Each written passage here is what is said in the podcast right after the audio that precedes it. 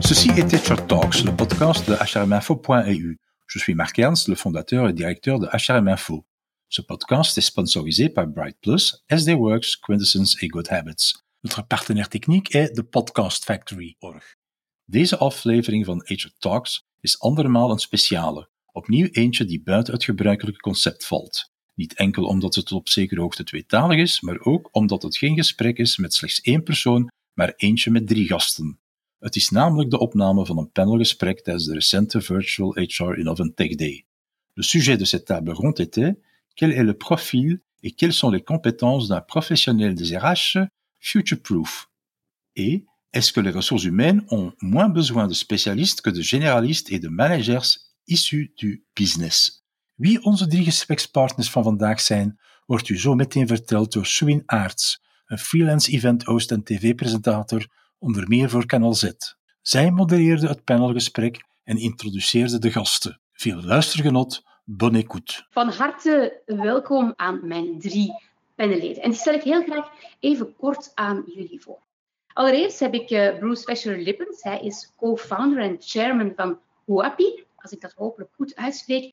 En hij was voorheen Chief Talent Officer, onder andere bij Maar hij heeft een verleden van meer dan 15 jaar in grote corporates, heeft bij McKinsey, bij Solvay gezeten en heeft recent de overstap gewaagd naar dat ondernemerschap. Hij heeft mij verteld dat hij het allermeeste op dit moment leert dagdagelijks van zijn dochter, die zeven jaar oud is. Hij heeft een ongelooflijke passie voor fietsen en hij is een heel erg vroege vogel. Dus ik veronderstel dat dat ook heel erg vaak s'morgens gebeurt. We hebben ook een dame natuurlijk in ons panel en dat is Virginie Verschoris. Zij was tot voor kort managing consultant bij Corn Ferry.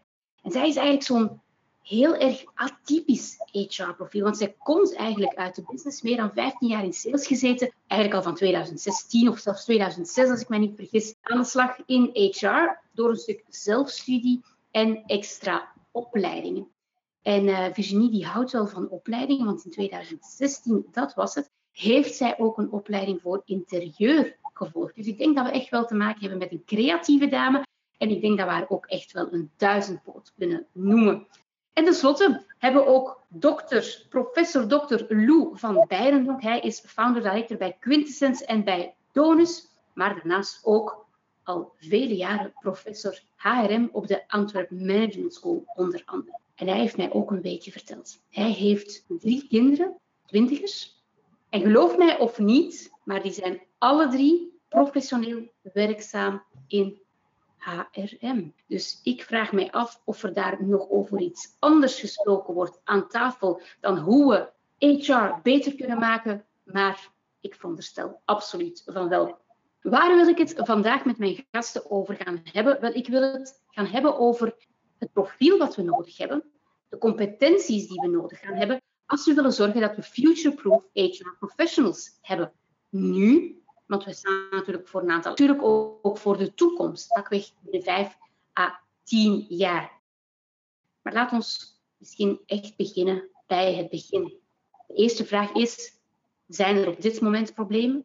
Zien we op dit moment dingen die beter kunnen? Welke uitdagingen zien we? Laat mij beginnen bij Bruce. Bruce, zie jij bepaalde extra uitdagingen of dingen die veel beter kunnen in human resources? Ja, ik denk dat het een, een heel goede vraag is om mee te beginnen. Ik zie er twee voornamelijk. Twee die er eigenlijk ook al waren voor, denk ik, gans deze coronaperiode, maar die echt geaccelereerd zijn. Een eerste is eigenlijk echt alles rond traditionele manieren van werken. Ik denk dat een probleem dat we hebben, dat we nog te veel ons vasthangen aan die traditionele manier van werken, met als gevolg toch wel vrij veel absenteïsme, dat het moeilijk is om ons talent te behouden.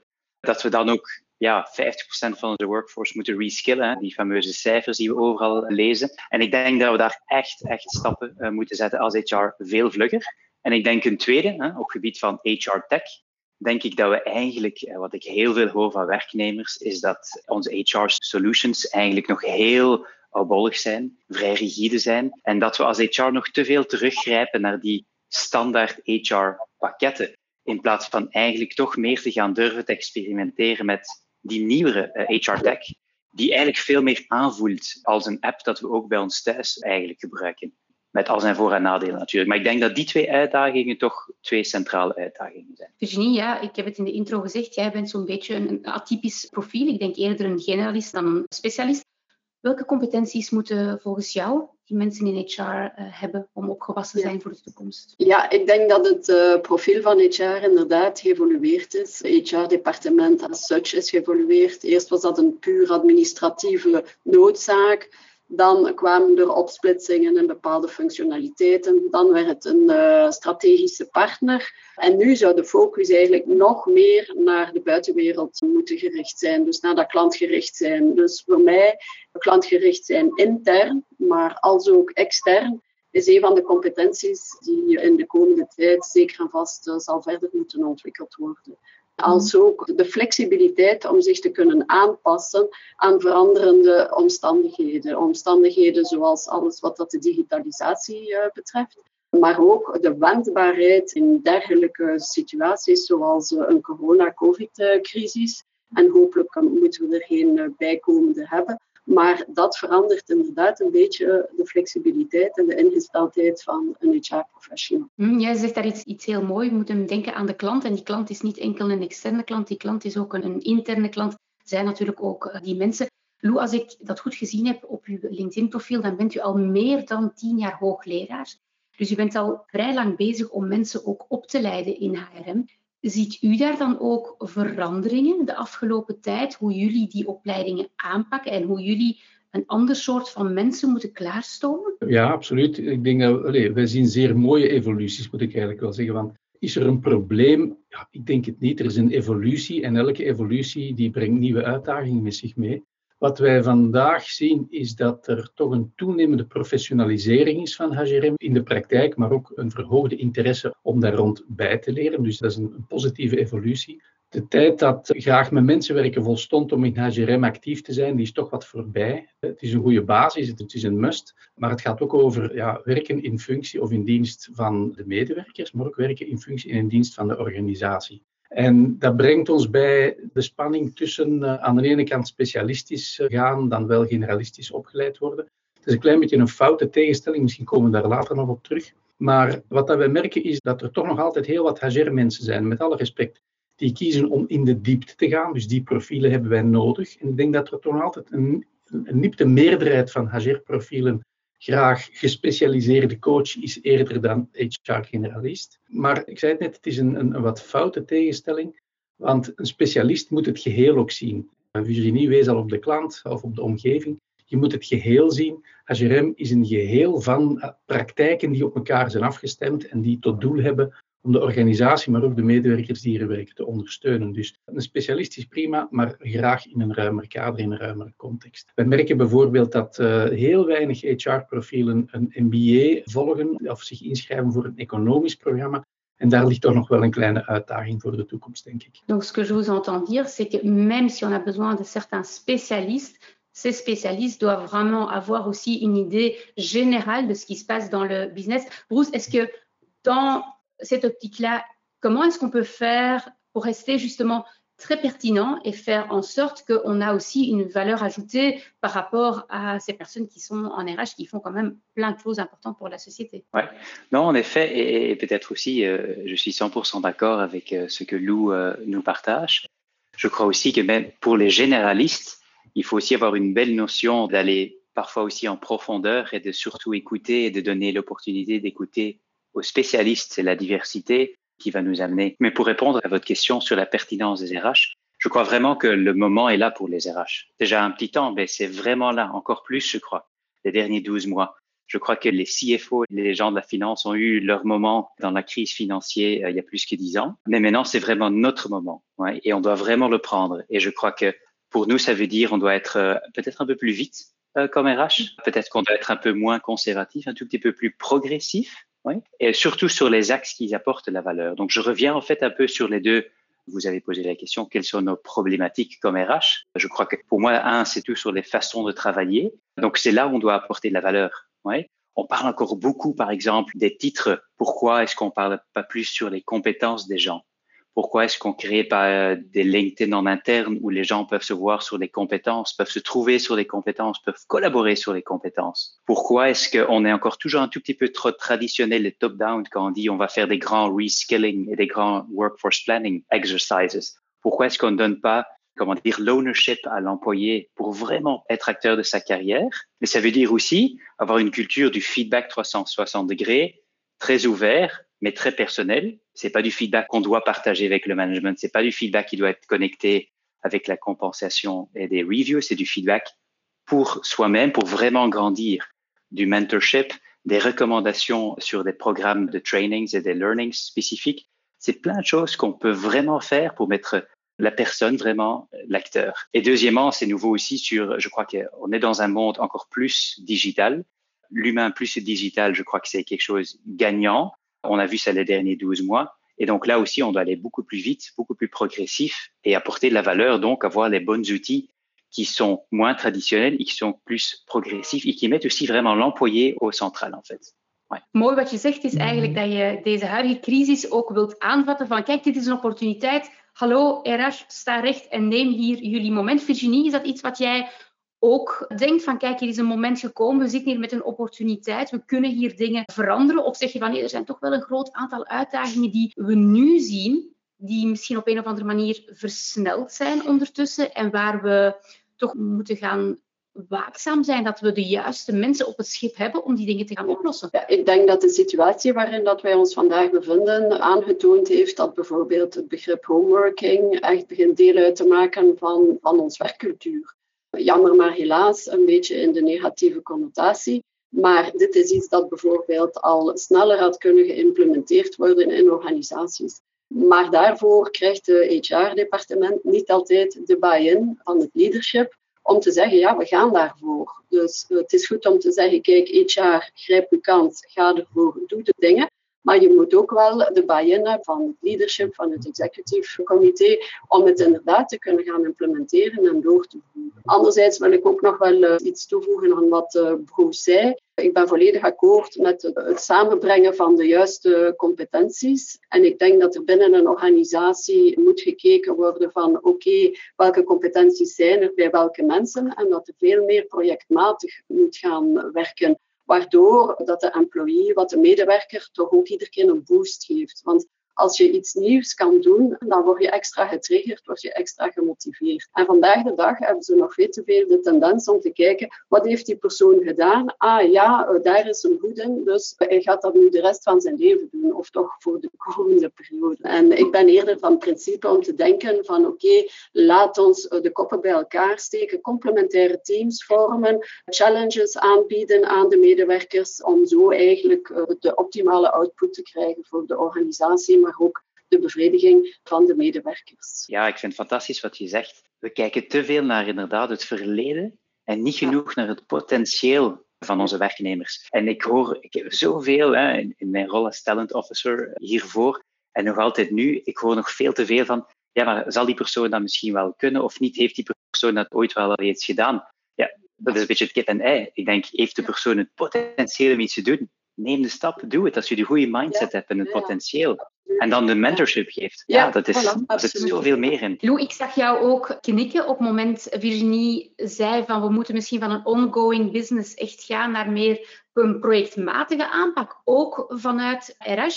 Zijn dat dingen die jullie ook bijvoorbeeld zien? Want ik neem aan dat u ook veel onderzoek doet en niet enkel ja. uh, wellicht uh, lesgeeft. Zijn dat ook dingen die u ziet gebeuren? Of zijn er andere grote verschuivingen? Ja, de dingen die zich... Het is heel herkenbaar wat de collega's zeggen, dus dat is prima. Ja, wat dat we eigenlijk al een jaar of tien in de literatuur zien, maar ook in de praktijk horen zeggen of horen prediken, dat zien we nu in gevolge corona versneld gebeuren. En dat is eigenlijk in opzicht, allez, het is vreemd om te zeggen, maar wat dat betreft is corona een cadeau, zou ik zeggen. want een aantal dingen waar we al lang over spreken, die, die worden nu geforceerd misschien dan toch uh, bewaarheid. En daar is wat opkuiswerk aan achteraf, want over thuiswerk vandaag, dat is in heel veel organisaties niet gekaderd. Er is beleidswerk uh, op te zetten. Maar we, hebben eigenlijk met corona toch een voorproefje gekregen van hoe de toekomst er vanaf nu zal uitzien. En dat situeert zich op heel veel vlakken. Hè. Dus de, de, kanteling van organisaties, van hiërarchisch naar meer uh, collegiale communicatie en werking, van individueel naar team, van afdeling naar teams. Dus van acties naar elkaar, naar meer projectwerk, naar andere soorten van leiderschap. Het, is eigenlijk, het zijn perioden voor management, maar ik denk vooral voor human resource management, om duimen en vingers van af te likken. Want vergeet niet dat de lijn verwacht van HRM vooral begeleiding bij verandering. Dat is toch een van de competenties die vooral van HRM uh, in hoge mate worden verwacht. Dus, en dit is een periode van verandering, dus we hebben, we hebben heel veel werk. Recent hadden we met mensen van Johnson Johnson een project, en daar is over gecommuniceerd, ook in de media recent, om na te denken over de competenties van de toekomst. En als het gaat over gedragscompetenties, zijn er daar eigenlijk twee clusters uit naar voren gekomen, die niemand zal verwonderen. Dat is uh, omgaan met ambiguïteit, flexibiliteit tonen, agility, dat zeggen we ook al lang. Maar dus dat als één belangrijk blok. En een tweede belangrijk blok gaat over netwerken. Niet alleen in functie van eigen belang, absoluut niet, want dat denken we dan wel eens, maar netwerken met het oog op het, uh, het connecteren van kennis binnen de organisatie, eender waar die op zich ook bevindt. Dus wat ik u heel erg hoor zeggen is, we prediken al heel lang dat er een verandering moet gebeuren. We staan hier nu echt op een moment waar we het echt kunnen gaan implementeren. En dan moeten we ook het lef hebben om dat te gaan doen. Donc, si on réfléchit un peu ensemble sur le comment est-ce que nous allons alors transformer notre RH comme on l'a connu jusqu'à présent, comment est-ce qu'on va transformer cela? Comment quelle démarche doit-on prendre? Quels sont les moyens? Est-ce qu'on doit réfléchir sur des plans plus stratégiques?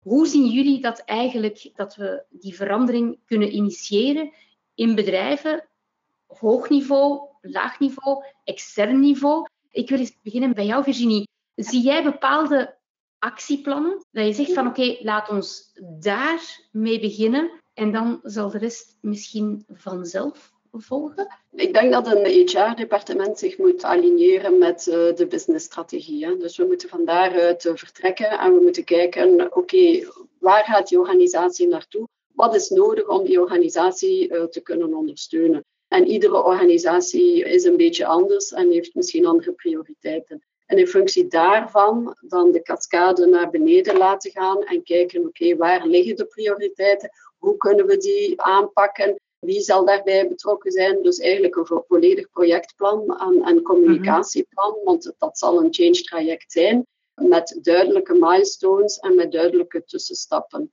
Ik denk in de verandering, wat ook een belangrijke is, is dat bijvoorbeeld de focus moet liggen op wat belangrijk is. En misschien het minder belangrijk, minder essentiële, misschien outsourcen, externe partners daarvoor inschakelen. Veel meer kijken van oké, waar kunnen we knowledge vinden die reeds bestaat? Want we moeten niet altijd het, het wiel opnieuw heruitvinden. Er zijn tal van providers, eh, van HR-consultancybedrijven enzovoort, die al een enorm knowledge management gedaan hebben, die dat consolideren, die dat ter beschikking stellen. Ik denk dat de HR veel dichter bij de mensen en bij de business intern en extern moet zitten maar zich zoveel mogelijk moet wapenen met dingen die reeds bestaan en niet telkens opnieuw from scratch moeten herbeginnen. Dat is ook een interessant gegeven wat u zegt van er is al heel veel gedaan. Hergebruik wat duidelijk gewerkt heeft in plaats van willen die pluimen op je eigen hoed zetten van wat heb ik weer uitgevonden. On en a déjà un tout petit peu parlé de cette formation de toutes ces personnes qui travaillent en RH actuellement. Donc on parle de, de formation de personnes qui sont jeunes maintenant, qui se disent, bon voilà, moi je vais aller euh, dans les RH parce qu'il y a vraiment un énorme potentiel de ce côté-là du business. D'un autre côté, nous avons toutes ces personnes qui sont depuis des années actifs en RH. Comment est-ce qu'on peut faire en sorte que ces personnes apprennent toute cette nouvelle chose à comprendre? On entend parler de management par projet. Est-ce que c'est quelque chose qui était déjà euh, je pense pas. Je pense avant, c'était vraiment ongoing business. On ne réfléchit pas de cette façon. Quelles sont vos idées par rapport aux formations? Ouais. Je crois que pour les formations, on doit regarder ça un tout petit peu euh, analytiquement. D'abord, c'est est-ce qu'on a assez de formations? Je crois qu'on a de plus en plus. Ouais. Je crois que dans mon temps, il y a 20 ans, quand j'étudiais, il n'y avait pas encore beaucoup de masters in HRM. Maintenant, il y en a de plus en plus et c'est super qu'on a un professeur ici euh, autour de la table et il y en a encore beaucoup plus. Donc, je crois qu'il y a de plus en plus de formations, même aussi en interne dans les organisations. Deuxième bloc, c'est est-ce qu'on fait les formations? Est-ce qu'on a ces personnes qui font les formations? Moi, mon sentiment, et quand je regarde les faits, c'est oui, je crois qu'on fait les formations. Quand je regarde les collègues RH, je crois qu'on fait des formations. Mais troisièmement, c'est ce qu'on a appris, on doit le mettre en œuvre et on doit oser le mettre en œuvre. Et ça, là, je crois qu'on peut aller plus vite. Là, je crois qu'on potentiellement on est peut-être un tout petit peu trop lent, trop conservateur. Je prends l'anecdote, j'ai les derniers euh, trois mois, quand je regarde mes 100 derniers échanges avec des DRH, il y en a environ 90 qui veulent vraiment faire ce changement, apporter ces nouvelles façons de travailler, 90, mais il y en a environ que 25 qui osent vraiment le faire, qui disent oh, je vais peut-être encore un peu attendre, c'est un peu trop tôt, qui osent vraiment le faire. Et je crois que là, c'est vraiment la grande conversion à faire. Donc comment est-ce qu'on peut inspirer, inciter, s'aider, parce que je crois comme RH, la belle chose comme RH, c'est qu'on est tous des collègues. On a un peu la même cause. On n'est pas des competitors, je dirais. Donc, comment est-ce qu'on peut vraiment s'aider, l'inspirer à vraiment le faire et le mettre, en œuvre plus vite, je dirais? Et d'où vient cette peur alors, euh, si on l'a appris, si on a tellement qui l'ont appris, qui ont tellement l'envie, comment ça se fait qu'ils n'osent pas? J'ai une idée, je suis très curieux d'entendre aussi Virginie et Lou là-dessus, parce que je crois que c'est pas mal de psychologie derrière, bien sûr. On a toujours parfois peur pour des nouvelles choses, et je crois qu'un RH est en fait assez incité ou incentivized hein, ou rewarded pour pas prendre de risques en fait, ou pas prendre trop de risques, parce que bien sûr, on travaille aussi avec des êtres humains. Donc, c'est pas comme des machines, heureusement. Donc, il y a plus de risques. Tu joues avec des personnes, bien sûr. Mais je crois qu'avec le management et, avec les RH, on n'est pas toujours, euh, voilà. Ouais, je crois qu'on est un peu trop, on part trop de cette peur et pas de l'opportunité et de la possibilité qui sont possibles. Et ça, c'est dommage parce que si on pense à les nouvelles générations, euh, Y, Z, etc., ils rigolent avec nous hein, quand on parle du digital et les RH digital, entre guillemets. Et c'est un choc pour eux. Hein. Quand je parle avec eux, c'est un choc quand ils rentrent ils viennent plein de motivation, ils viennent dans une plus grande organisation, c'est un peu un choc au début. Et donc voilà, je ne sais pas si j'ai vraiment la réponse là-dessus. Je crois qu'il faut vraiment oser à le faire. Et en fait, c'est le changement. Les derniers 30, 20, 40 ans, il y a plein de livres management qui disent le changement, il y a que 30% qui réussit vraiment du changement. Mm. Et c'est parce que je crois que le changement, c'est facile de dire les autres doivent changer. C'est très difficile de dire nous-mêmes, on doit changer. Et je crois mhm. que comme RH, on a aussi un rôle, on, peut être plus rôle modèle pour nous-mêmes aussi changer, mhm. je dirais. Et alors mhm. inspirer des autres à le faire. Lou, dat is denk ik ook voor een groot stuk een beetje de rol ook van uh, jullie als professor, om daar te gaan uh, inspireren. De mensen te gaan inspireren, ook op een inspireren, sensibiliseren, een bepaalde nieuwe structuur aanbrengen.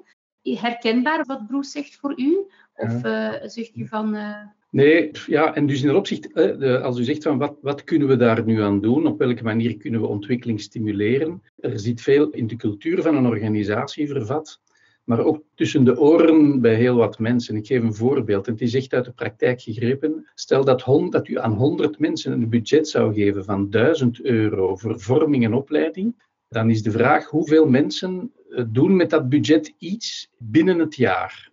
Ik weet niet wat dat u denkt, u, moet, uh, u moet het niet, antwoord, niet, niet beantwoorden, maar in de praktijk blijkt slechts 15% binnen het jaar een deel of het geheel van dat budget te hebben aangewend voor vorming en opleiding. Wow. En de uitleg of de reden waarom, het ligt wel in lijn, denk ik, Bruce, met uw cijfers rond uh, mutatie of rond loopbaanwijzigingen. We doen dat niet snel en ook opleiding en ontwikkeling ja, geen tijd, nu geen prioriteit. De cultuur bekijkt, hè, de organisatie bekijkt dat toch dikwijls als uh, moeten jij niet werken en dat soort van zaken. Het zijn dingen die we dan toch terug horen van medewerkers in organisaties die wel, uh, die wel budget voorzien. Dus dat is een gevoelig thema. Nu, ik zou zeggen, structureel kunnen we daar wel wat aan. Want opleiding, ontwikkeling wordt fiscaal en praktisch in organisaties, maar fiscaal door de overheid nog altijd niet gestimuleerd zoals het zou moeten.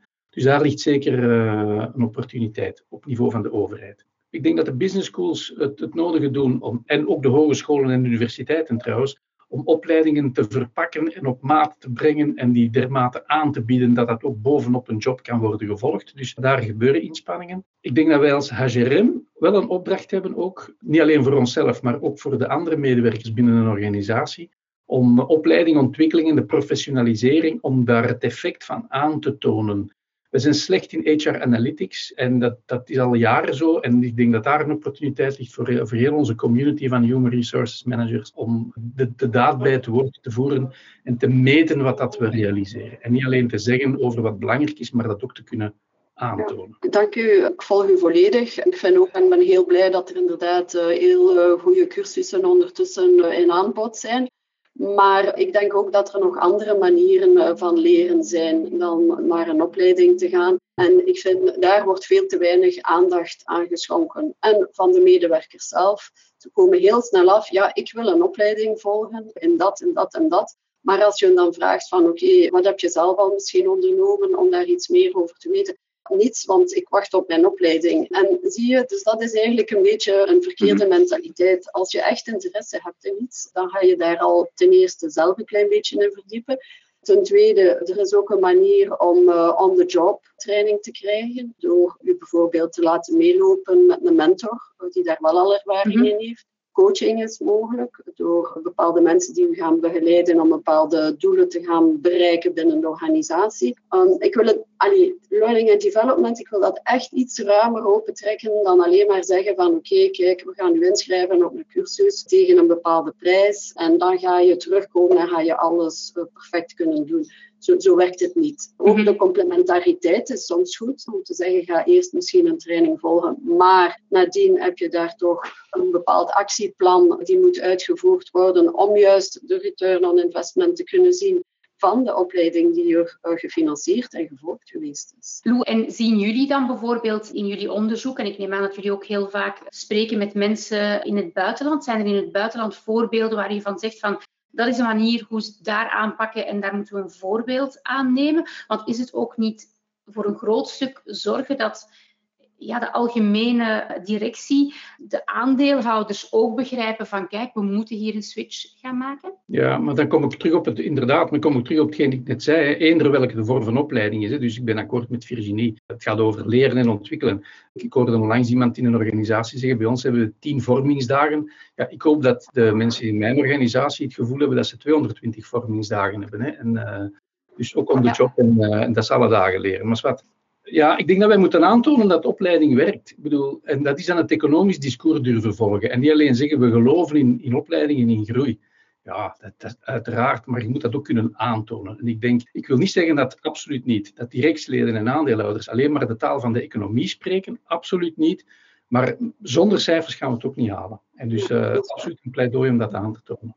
Ja. Virginie, ik las een artikel waarin effectief gezegd wordt of geponeerd wordt van eigenlijk zou een RH enerzijds technologisch alle cijfers moeten begrijpen en dan ook nog liefst de machine die de mens is ook begrijpen. Zijn dat mensen die jij op dit moment actief ziet op de werkvloer in human resources, die effectief die beide stukken mooi combineren? Ik heb de indruk dat jij wel zo'n persoon bent, maar zie je daar voldoende mensen die beide combineren? Of moeten we gewoon zeggen, nee, we kunnen perfect een heel technisch persoon hebben en iemand die veel meer mensengevoel heeft en laat die gewoon beter samenwerken? Ja, ik hoor eigenlijk drie profielen al. Een technisch profiel, een cijfermatig profiel en dan nog een mensprofiel. Ik denk dat sowieso met de nieuwere generaties die op de werkvloer gaan komen, die gaan dat digitale veel meer in de vingers hebben. Dat gaat gewoon deel uitmaken van hun DNA. Dus ik maak mij niet te veel zorgen dat op termijn eh, de inktvlek zal verruimen. Waar ik wel van overtuigd ben, en uh, ik denk echt waar dat de mensen uh, de cijfers beter moeten leren interpreteren. Ook de businesscijfers, dus de business acumen is echt heel belangrijk om te begrijpen waar staat die organisatie voor. Ik kom niet hier een beetje HR doen. Nee, ik wil echt de businesspartner zijn om u te helpen om de strategische doelstellingen te behalen van de organisatie. Dus dat is een heel, heel belangrijke. En je hebt inderdaad nog altijd de categorie van HR-geïnteresseerden die een HR-opleiding volgen, omdat ze iets voor de mens willen doen. Hè? Dus ik denk dat na verloop van tijd en met de evolutie van de generaties op de arbeidsmarkt, dat dat meer en meer één persoon gaat worden. Vandaag de dag denk ik dat er nog een opsplitsing is tussen dat digitale en een HR-profiel die wel van cijfers gegeten heeft en die ook nog mensgericht is. Maar dat digitale, je hoeft geen techneut te zijn hè, als HR, maar je moet de vertaalslag kunnen maken van je HR-processen naar eh, de digitale wereld. En daar zie ik toch heel sterke complementaire teams uh, werken om er juist voor te zorgen uh, dat ze de juiste profielen en competenties dan in huis hebben ik volg je volledig en uiteindelijk draait het allemaal om, om een gezonde dosis curiositeit en open geest. Want uiteindelijk, je moet zeggen, je moet er tenminste over kunnen meepraten. De supermens bestaat niet. En er mee over praten is zo moeilijk is dit niet als je wat tijd neemt in bijscholing, in leren, in vragen stellen. En misschien doen we dat niet genoeg, denk ik. En het is een beetje zoals, uh, sommigen van ons komen een beetje uit de sportwereld. Ja? Daar wordt rust gezien als iets strategisch om supercompensatie te hebben. Je pusht, je sprint, je rust, je wordt beter. In de werkwereld doen we dat niet genoeg voor onze mentale geest, voor onze emotionele geest. Rust wordt soms te veel gezien als het is geen productiviteit. Ja? En ik denk, rust kan ook zijn iets nieuws bijleren, even iets anders lezen en die zaken. En ik denk dat we dat niet genoeg in onze cultuur steken en in de mindset als personen. Ik ben wel benieuwd, Lou, bij u aan de eettafel, als u daar met die jonge HR-professionals zit. Zijn dat dan dingen waar jullie het ook over hebben? Over die rust die bijvoorbeeld moet ingebouwd worden? Ja, dat klopt. Maar ik vind dat nu niet, vandaag niet het grote probleem bij de jonge professionals, absoluut niet. Ik denk dat zij vooral zit met wat keuzestress van welke richting uh, ga ik uit, op welke manier mhm. geef ik mijn loopbaan vorm. Want als ik nu het debat volg, dat we, hè, als ik het, eh, de inhoud volg nu, ja, wij, wij verwachten heel veel van HR-professionals. U mag niet vergeten, HRM is een multidisciplinair vak. Hè. Psychologie, sociologie, recht, sociale wetgeving. Uh, dus de, relaties met vakbonden uh, in het bijzonder dan. Bovendien, als er moeilijke gesprekken gevoerd moeten worden of als er delicate situaties zijn, dan is het ook HR die het uh, bij voorkeur graag oplost of ondersteunt. Dus er is, er is heel wat. Dus ik denk dat we wat dat betreft een klein beetje respect moeten hebben met, ja, met de druk die toch op de mensen ligt. Dus in dat opzicht komt rust zeker en vast ten goede. Maar die gaan we niet creëren door te zeggen dat het allemaal niet moet, maar wel door mensen te begeleiden in hun keuzeproces en Ja. daar ben ik het wel. Ik ben ook een van die mensen die wel een MBA gedaan. Ik vond dat heel erg opvallend, want ik had inderdaad een beetje een wollig idee van HRM en ik was heel erg positief verrast, ik spreek over lang geleden, met inderdaad hoe multidisciplinair het eigenlijk wel is.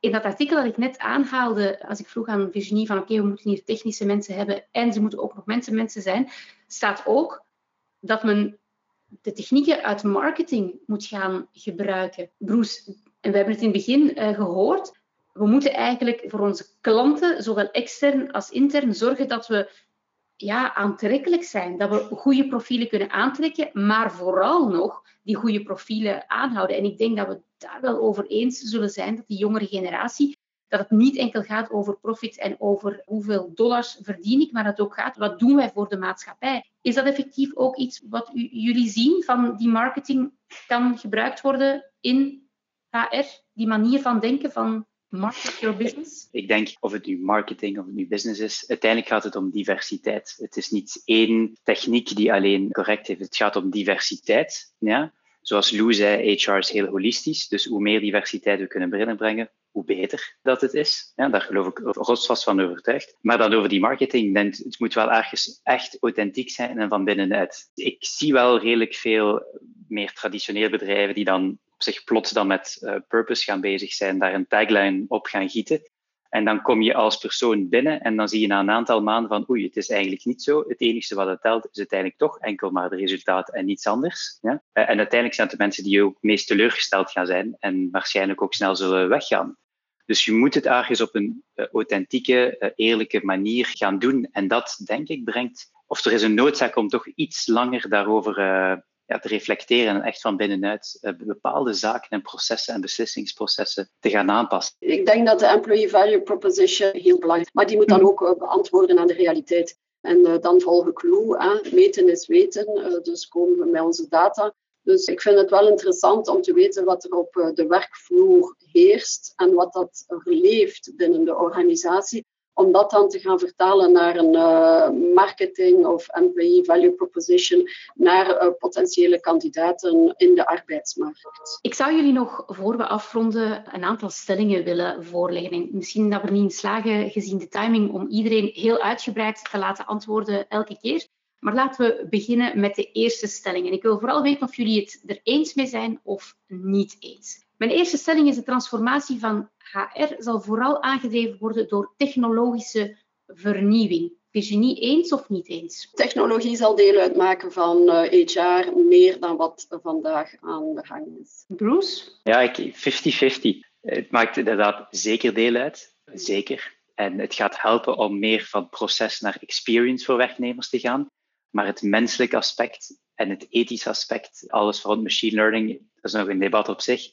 Voilà, dat mogen we ook niet gewoon klakkeloos gewoon overnemen. Mhm. En Lou? Ja, ik sluit me daarbij aan. Uw vraag was aangedreven door technologie, dat denk ik niet ondersteund door technologie wel. En dan sluit ik aan bij Bruce. De finaliteit van ons werk is ervoor zorgen dat mensen optimaal functioneren, met tevredenheid, maar ook efficiënt. En als technologie daarbij kan helpen om die processen te vereenvoudigen, fijn. Maar het doel is niet de technologie of de IT, maar wel de, de kwaliteit van werk. Heel duidelijk. Ik denk dat jullie daar allemaal heel duidelijk stellen van oké, het, uh, het, is geen doel op, uh, op zich. Laten we even gaan, gezien de tijd, naar de volgende stelling. HR kan zich onvoldoende en onvoldoende snel transformeren. Er dienen totaal andere profielen aangetrokken worden en die nieuwe profielen moeten de lead krijgen.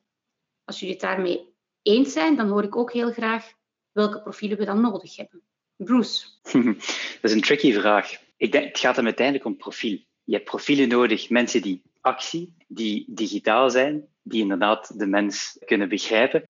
En die profielen kunnen from within HR komen, zeker die profielen kunnen perfect van de business komen. Ik heb heel veel managers, bazen, collega's gehad die van de business kwamen. Ik denk dat het iets makkelijker is, denk ik, om de business te begrijpen en dan jezelf ook HR aan te leren, denk ik. Dan echt puur HR komen en dan ook heel snel de business te begrijpen.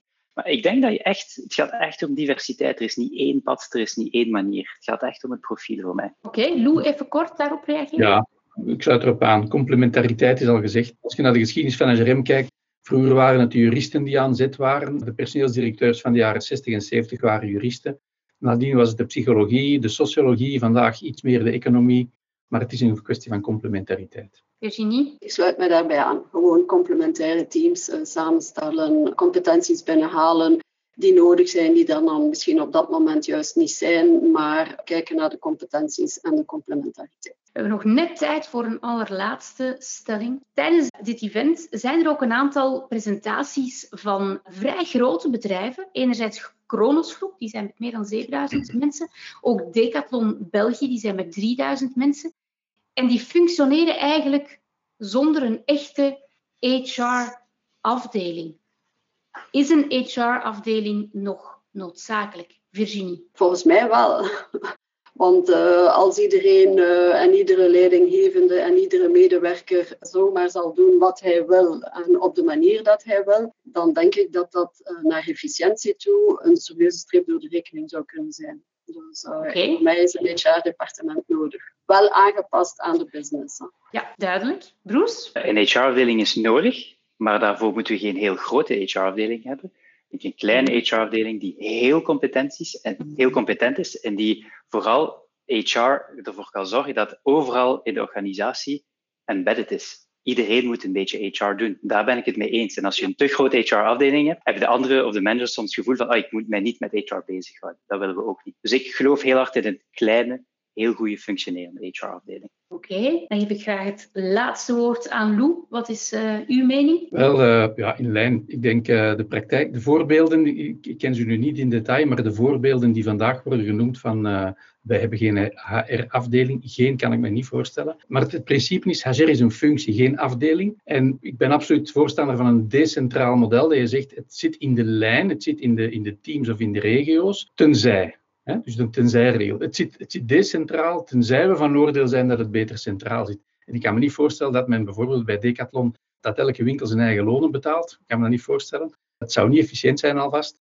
Of dat er een employer brand is die iedereen op zijn manier oplost. Dus er zijn zeker en vast centrale thema's die centraal moeten beheerd worden.